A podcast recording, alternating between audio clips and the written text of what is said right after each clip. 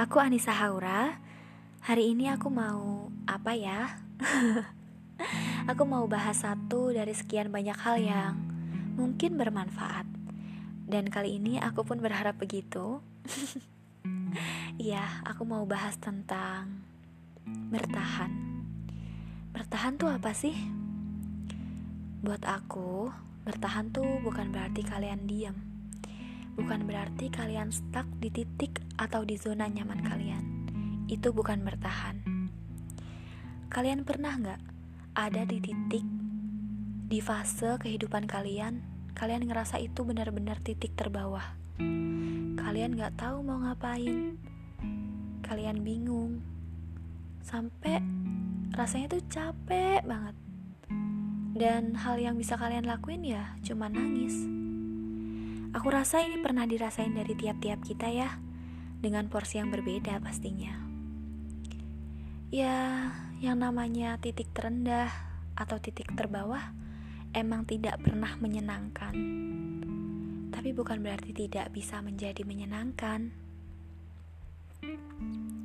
Ketika kita ada di fase tersebut, tidak ada pilihan paling tepat selain bertahan dan berharap.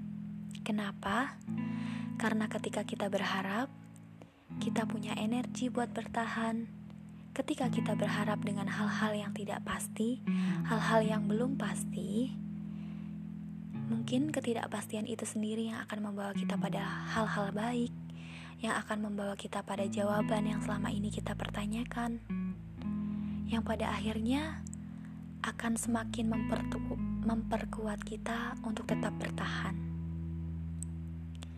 Aku tahu ini gak semudah kedengarannya. Tidak mudah bukan berarti tidak bisa, kan? Aku tahu kamu kuat. Aku tahu kalian semua kuat. Kalian masih bisa berharap dengan hal-hal yang tidak pasti yang akan membawa kalian ke jawaban yang selama ini kalian cari, ke penyelesaian yang selama ini kalian nanti-nanti.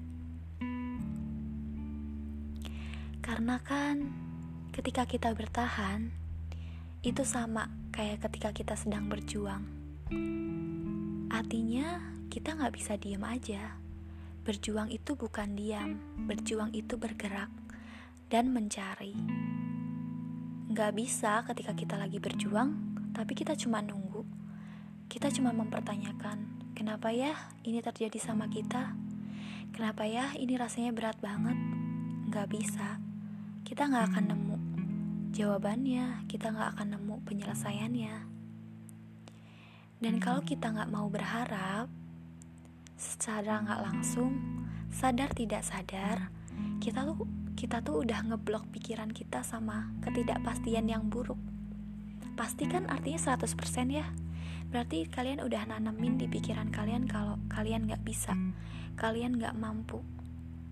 Dan simpelnya, itu berarti kalian gak mau berubah jadi pribadi yang lebih baik. Karena bertahan itu gak melulu membawa kita pada hal-hal yang menyedihkan. Yakin deh, percaya aja, semua akan baik pada akhirnya. Kita akan mendapatkan pelajaran, mungkin kita akan didewasakan setelah kita melewati fase ini.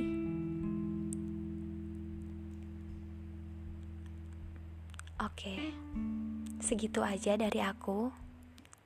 Selamat berjuang, selamat bertahan. Semoga kita sampai pada jawaban-jawaban yang selama ini kita nantikan. Semoga kita semua sampai pada penyelesaian yang selama ini kita cari-cari. Sampai jumpa dan salam dari Haura.